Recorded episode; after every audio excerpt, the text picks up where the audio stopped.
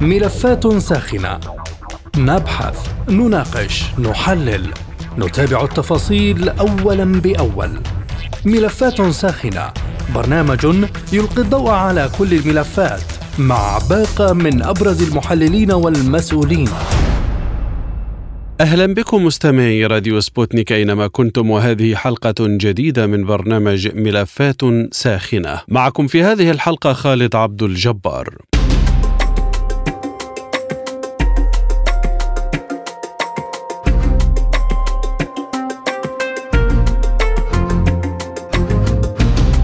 تواصلت الاقتحامات الإسرائيلية للمسجد الأقصى لليوم الثاني على التوالي حيث اقتحم عشرات المستوطنين الإسرائيليين صباح اليوم الخميس ساحات المسجد الأقصى من جهة باب المغاربة بحراسة مشددة من قوات الاحتلال ومعززة بعناصر من الوحدات الخاصة وانتشرت في ساحاته بدعوى تأمين اقتحامات المستوطنين للأقصى بينما قامت قوات الاحتلال بإبعاد المرابطين من محيط المصلى القبلي. يذكر أن قوات الاحتلال اقتحمت الليلة الماضية المسجد الأقصى عقب صلاتي التراويح والفجر واعتدت بوحشية على المصلين والمعتكفين في المصلى القبلي وإخراجهم منه بالقوة مما أدى إلى إصابة ستة أشخاص بجروح متفاوتة نقل بعضهم على إثرها إلى المستشفيات لتلقي العلاج قبل أن تنسحب القوات من باحات المسجد الأقصى عقب اقتحامه والاعتداء على المعتكفين وإصابتهم. ما حدث أثار ردود فعل محلية وعربية ودولية رافضة ومنددة بهذه الاقتحامات حيث تشهد مدينة القدس المحتلة والمسجد الأقصى توترا كبيرا في ضوء الاعتداءات الإسرائيلية المتواصلة بحق المصلين والمعتكفين. فتصاعدت التظاهرات في كافة المناطق الفلسطينية تنديدا بجرائم الاحتلال في الأقصى. كما لقيت الاعتداءات الإسرائيلية إدانة دولية وعربية واسعة في الوقت الذي سيعقد فيه مجلس الأمن جلسة طارئة مغلقة بطلب من دولة فلسطين والمملكة الأردنية الهاشمية وبدعم دعم من دولة الإمارات العربية المتحدة والصين لمناقشة الانتهاكات الإسرائيلية في القدس والأقصى.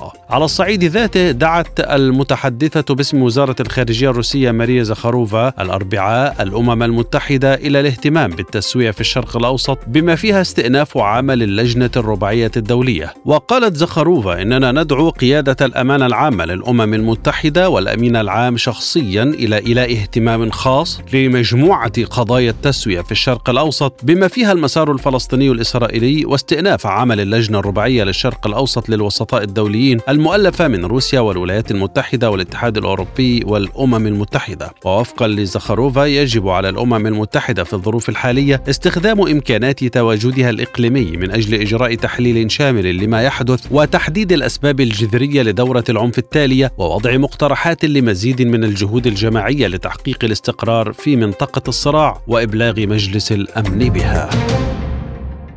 أرحب بضيوف هذه الحلقة من برنامج ملفات ساخنة. من رام الله ينضم إلينا السيد عباس زكي عضو اللجنة المركزية لحركة فتح. ومن غزة الكاتب الصحفي الفلسطيني مصطفى الصواف. ومن القاهرة الدكتور طارق فهمي أستاذ العلوم السياسية المتخصص بالشأن الإسرائيلي بالجامعة الأمريكية. أهلا بكم جميعا وأبدأ معك سيد عباس زكي عضو اللجنة المركزية لحركة فتح من رام الله. سيد عباس لو تطلعنا على التحركات التي تمت حتى الآن من قبل السلطة الفلسطينية.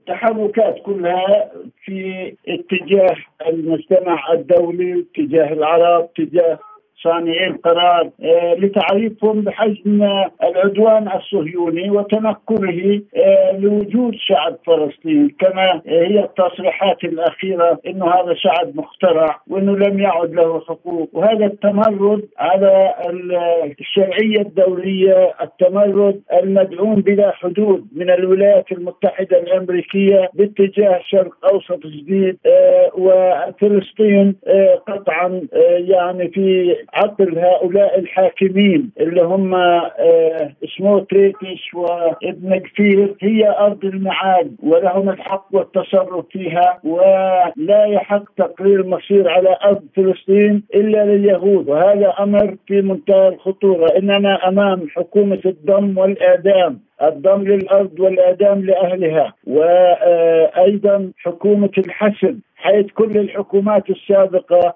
أصدرت قرارات وقامت بمذابح يقشعر لها الابدان ولكن هذه الحكومة هي التي آه، يعني وصلت إلى أن تكون حكومة تلمودية بعيدة عن أي شيء يمكن أن يتسم بصفة آه، النظام. إنها ابارتايد إنها حكومة ليكود آه، أي وحكومة يعني تلمود. ولا يمكن أن تكون مقبولة ولكن أمريكا وأتباعها في المنطقة لا زالوا آه، في سبات عميق من هذا الخطر الذي يهدد كل منطقة الشرق الأوسط. لكن ماذا عن جلسة مجلس الأمن اليوم؟ ما الذي تأملون منها؟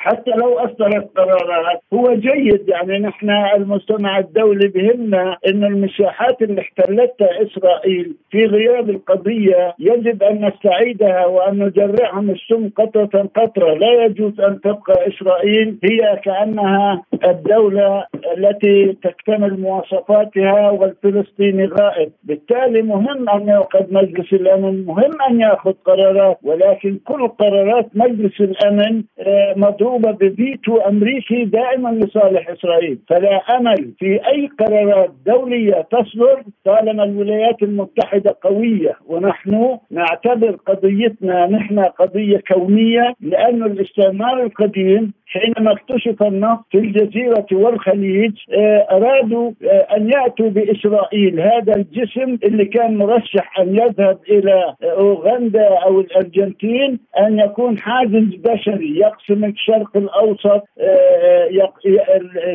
يقسم الشرق العربي عن مغربه. يحول دون تحقيق الوحدة يفرض الهيمنة على ثروات ومقدرات المنطقة ويمنع العرب من أي حضارة وتنمية لتبقى حكرا للولايات المتحدة والاستعمار القديم سابقا أوروبا والجديد بعد الحرب العالمية الثانية الولايات المتحدة الأمريكية سيد عباس زكي الجلسة تمت بالتنسيق مع الإمارات والصين هل من دور يعول على أي من الدولتين خاصة أن الإمارات تربطها علاقات جيدة مع إسرائيل؟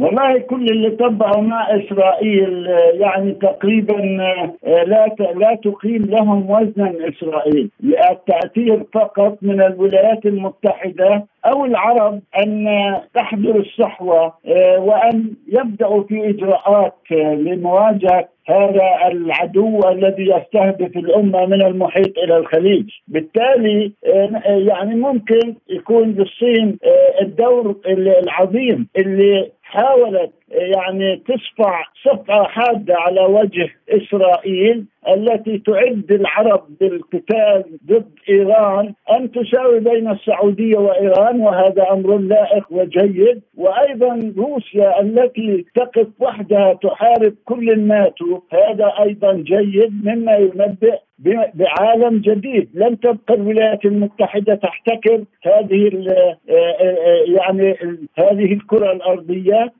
وخاصه أنها وصلت إلى ذروة الإمبريالية التي يهمها مصالحها حتى لو دمر العالم كله. في كل تصعيد مماثل تطالب السلطة الفلسطينية بوقف التنسيق الأمني مع إسرائيل، كيف تعلق هذه المرة؟ أنا من الذين يقفون ضد التنسيق الأمني وأنا أؤكد لك إنه مهما بلغت المحاولات والضغط لن نعود إلى التنسيق الأمني. هذا قرار أخذناه في اللجنة المركزية وأي واحد بنسق امنيا هو خائن بعيدا عن القرار المركزي. وبالتالي ما في تنسيق أمني. كل محاولات إسرائيل واحتياطي أمريكا أن وأمريكا هو أن نعود إلى التنسيق الأمني. ونحن ربطنا هذا العمل بأن يكون في أفق سياسي أفق اقتصادي ثم بعد ذلك يأتي ليس التنسيق والتعاون بقدر ما فيه حماية شعبنا عبر هذا عبر هذه المهمة وليست إسرائيل آه، أن تكون سيدة الموقف. يعني أفهم من هذا الكلام أن التنسيق الأمني معلق الآن سيد عباس؟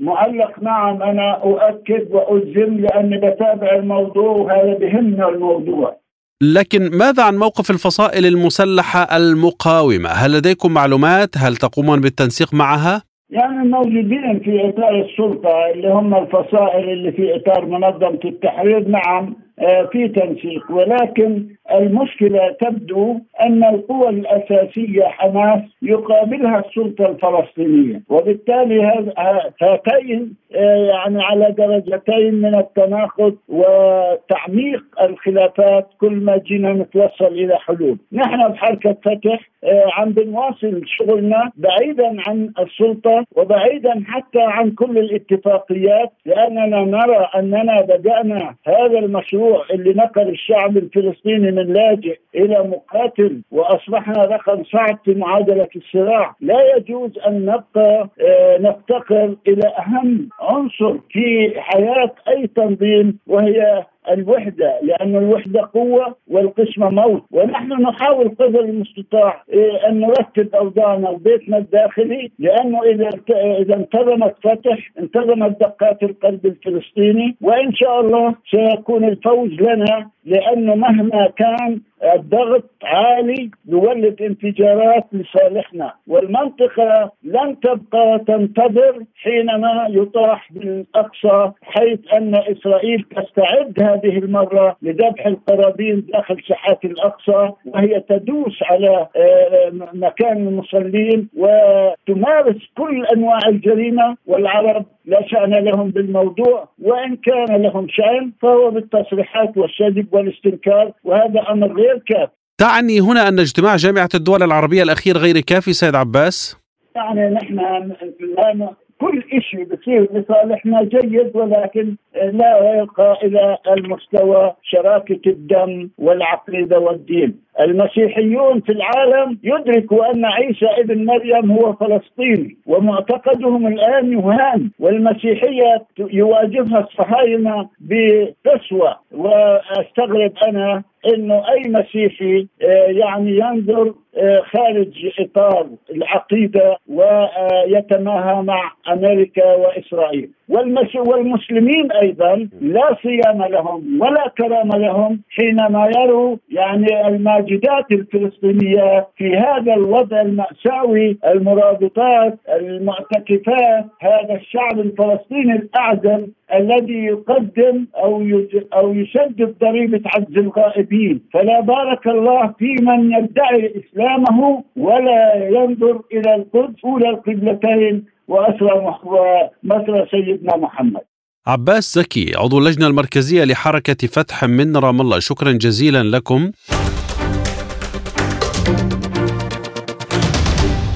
ومن غزة أرحب مجددا بالأستاذ مصطفى الصواف الكاتب الصحفي الفلسطيني. أستاذ مصطفى آه، هل لك أن تطلعنا على الوضع في غزة؟ كيف هو في ظل التصعيد الإسرائيلي الأخير؟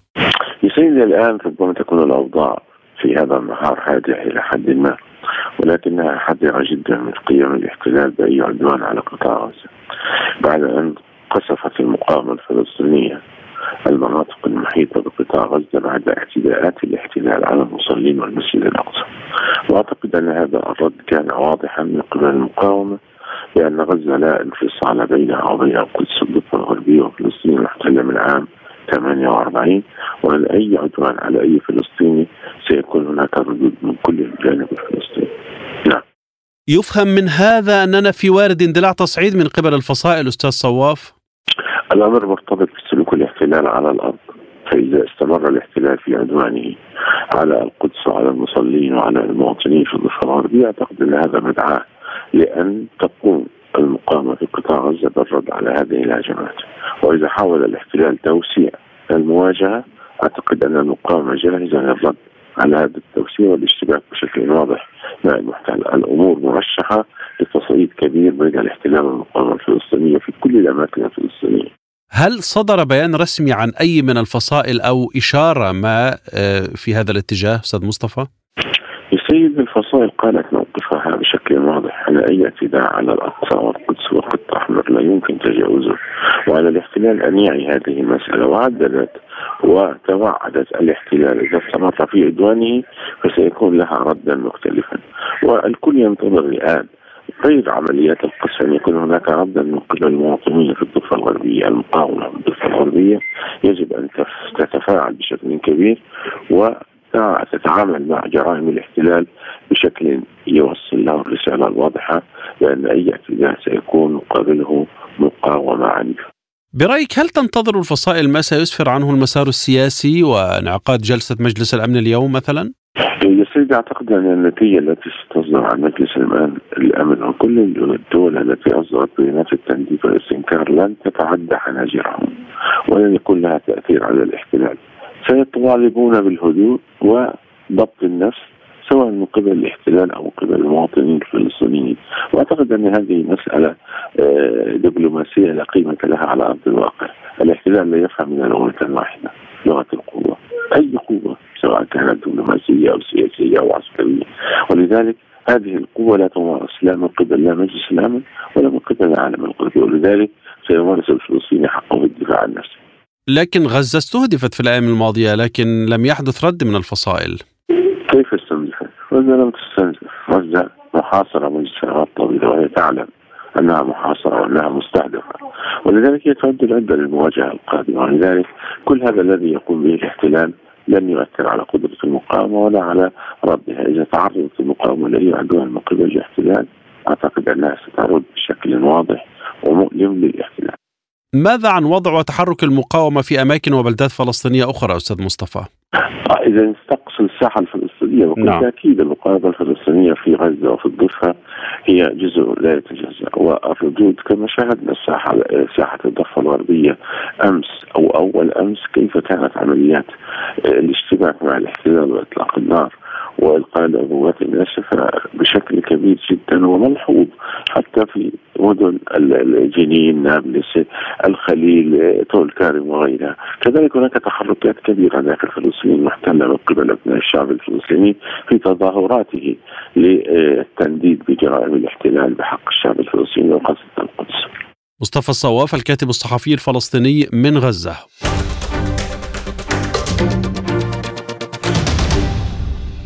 ومن القاهرة أرحب مجددا بالدكتور طارق فهمي أستاذ العلوم السياسية بالجامعة الأمريكية والمتخصص بالشأن الإسرائيلي. دكتور طارق ما الدوافع إذا وراء هذه الاقتحامات الأخيرة؟ هل هو اعتيادي ككل عيد فصح أم أن وراء ذلك أسبابا أخرى؟ هو بالتأكيد طبعا آه، هذا السيناريو الذي جرى في آه، مدن الضفة وفي القدس كان متوقعا.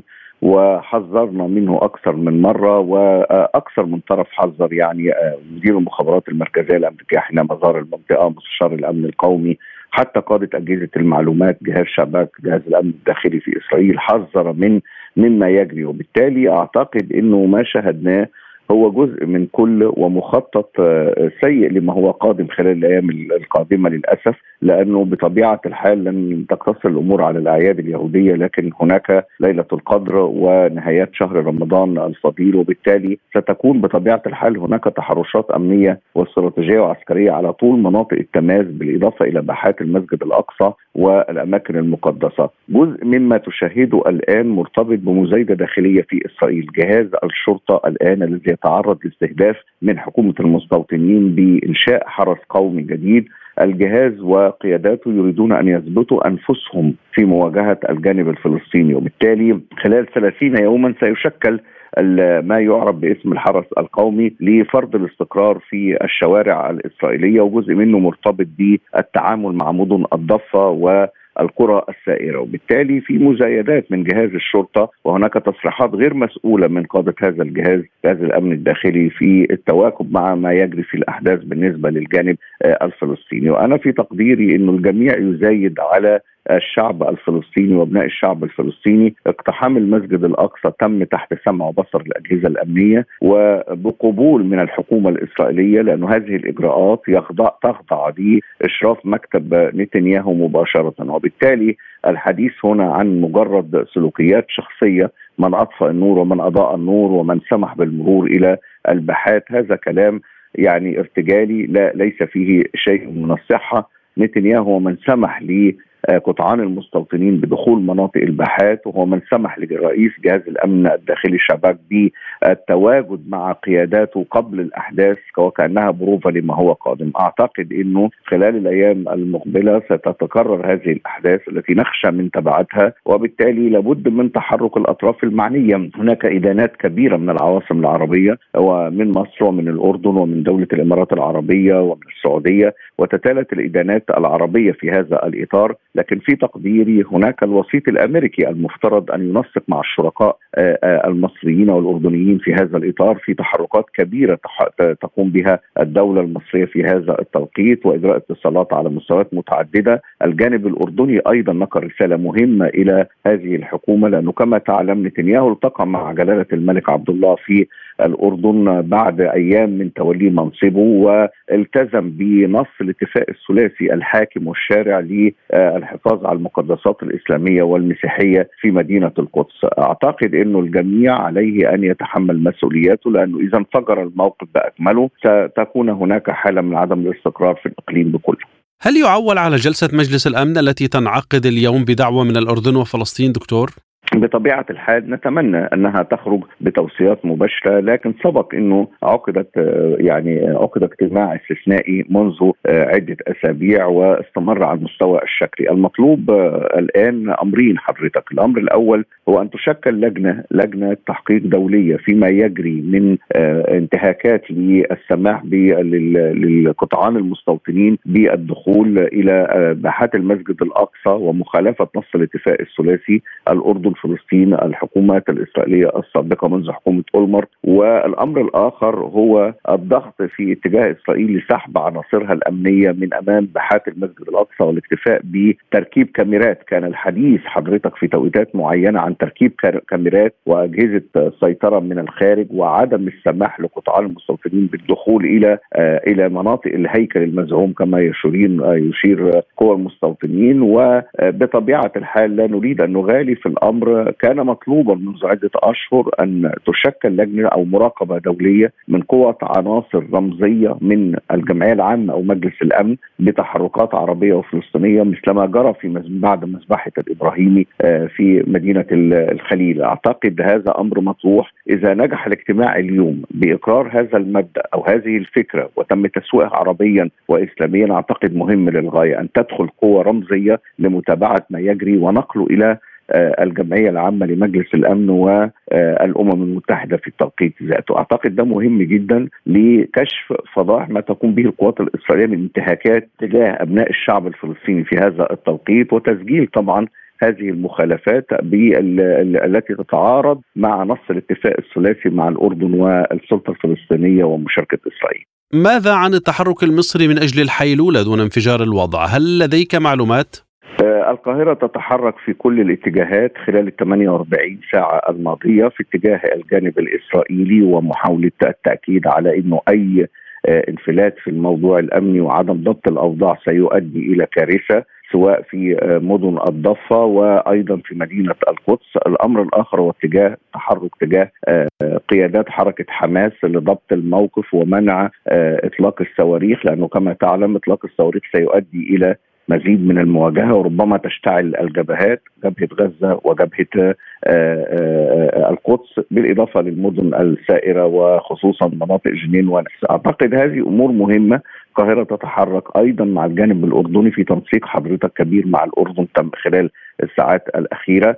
الولايات المتحدة ليست بعيدة عن المشهد لكن الولايات المتحدة عليها دور مهم في هذا التوقيت. حضرتك الضغط على الحكومة الإسرائيلية مباشرة لوقف هذه الممارسات الإجرامية تجاه الشعب الفلسطيني وما يجري طبعا حول المسجد الأقصى ووقف هذه الإجراءات. حضرتك تعلم إنه المتاريس موضوعة قبل المسجد الأقصى وقبل المقدسات بحوالي كيلو ونص. فما الداعي لدخول قوات الأمن إلى مناطق الباحات وخصوصا الباحات التي يسمح فيها بتواجد إسلامي وعربي كبير في هذا التوقيت أثناء قبل وبعد أثناء صلوات التراويح. وهي توقيتات معلومة لاجهزه الأمن. لكن كما أشرت في البداية الجميع يزايد وأجهزة الأمن الإسرائيلية تزايد من أجل التأكيد على حضورها في المشهد وأنها قادرة على فرض الأمن والاستقرار في آه، آه، المدن الضفة. وبالتالي في جزء الرساله للجمهور الإسرائيلي اننا لسنا في حاجة إلى حرس قومي يريد أن يوفر الحماية الداخلية. في مزايدات كبيرة وفي تفاصيل عديدة مرتبطة بالداخل الإسرائيلي انعكست حضرتك على طريقة التعامل الأمني مع آه، ما يجري في مدينة القدس وتحديدا في المسجد لكن دكتور عند هذه النقطة اسمح لي البعض يرى أنه تم تسوية جزئية للأزمة الداخلية في إسرائيل فما يحدث ليس انعكاسا إذا لأزمة داخلية. لا أعتقد الأزمة مرحلة وكان تم زحزحة الأزمة إلى ما بعد الأعياد. يعني نتحدث عن 30 يوم مر منها ثمان أيام ثمان أيام كاملة فبالتالي الأزمة مرحلة.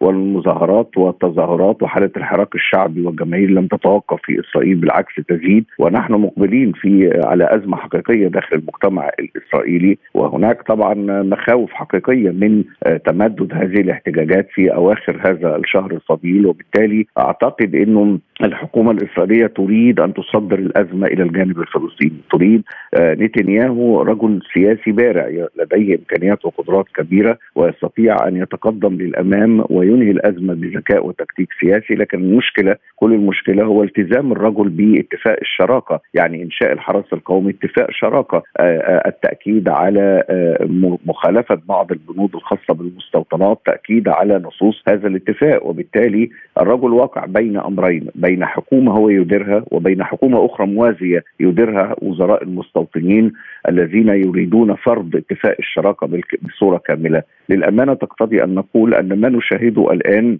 هو جزء من إطار اتفاق الشراكة والائتلاف مكونات الائتلاف الحاكم وبالتالي لم تسقط هذه الخيارات والأفكار والرؤى والمشروعات والمخططات مرة واحدة لمن قرأ نص اتفاق الاتفاق الخاص بالشراكة بين مكونات اليمين الإسرائيلي. يجد هذه البنود والنصوص سواء كان في التعامل في مدينة القدس سواء كان بالنسبة للسماح لقطعان المستوطنين بالدخول إلى والخروج من مناطق التماس الاستراتيجية في المدن آه، الفلسطينية آه، محاولة لتطوير منظومة الأمن في مناطق جيم. ففي تفاصيل كثيره للغاية آه، ينفذها الآن أطراف الائتلاف. ونتنياهو إذا لم يقم بتنفيذها أعتقد حضرتك إنه الحكومة ستتفكك وستذهب إسرائيل إلى انتخابات آه، جديدة وهذا هو الخيار الصفري الذي لا يريد نتنياهو الذهاب إليه في هذا التوقيت ولا أحد بالمناسبة من أطراف اليمين يريدون هذا لكن في النهاية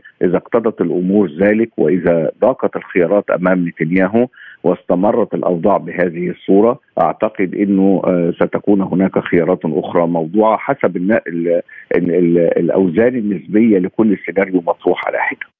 دكتور طارق فهمي في إطار رد الفعل الدولي روسيا تدعو الأمم المتحدة إلى استئناف عمل الرباعية الدولية، ما فرص استئناف الرباعية في ظل التصعيد الإسرائيلي الأخير؟ أعتقد الموقف الروسي موقف جيد والروس سبق أنهم طرحوا فكرة مؤتمر موسكو لسلام الشرق الأوسط وعطلته الولايات المتحدة مثلما عطلت اتفاق باريس 1 و 2 وأخرجته من بعض النقاط الغير متابعة وبالتالي أعتقد إنه دعوة روسيا لهذا أمر مهم للغاية. لا تنسى دكتور أن روسيا كانت راعي من رعاة عملية السلام حينما بدأت في مدريد ولم يكن هناك راعي واحد. الولايات المتحدة كان هناك آه، الراعي الروسي والراعي الأمريكي. اليوم روسيا تسترد موقعها في المنظومة الدولية في عالم متعدد الأقطاب، اذا حينما تدعو للرباعيه الدولية هذا أمر جيد وأمر مهم ويجب التعويل عليه لأنه هو أحد الأمور المهمة والمرتكزات لإحداث نوع من التوازن في التعامل مع الشريك الأمريكي أو الوسيط الأمريكي الذي لم يعد شريكا محايدا أو نزيها بالعكس هو انحذر المواقف الإسرائيلية وهو حذر سبق وأنه حذر الفلسطينيين من كثير من الأمور لكن الإشكالية الرئيسة ليست في التنسيق الأمني بين الطرفين بين الفلسطينيين وبين الحكومة الإسرائيلية لكن في الانحياز الكامل للحكومة الإسرائيلية برغم التجاذبات الموجودة الآن بين هذه الحكومة وممثلها طبعا نتنياهو بعدم زيارته إلى البيت الأبيض واستمرار حالة التجاذب بين الطرفين. شكرا جزيلا لك دكتور طارق فهمي أستاذ العلوم السياسية بالجامعة الأمريكية المتخصص في الشأن الإسرائيلي من القاهرة. وشكرا لكم مستمعين الكرام. للمزيد زوروا Sputnik dot ae. إلى اللقاء. مستمعينا بهذا نصل وإياكم إلى نهاية هذه الحلقة من برنامج ملفات ساخنة. طابت أوقاتكم وإلى اللقاء.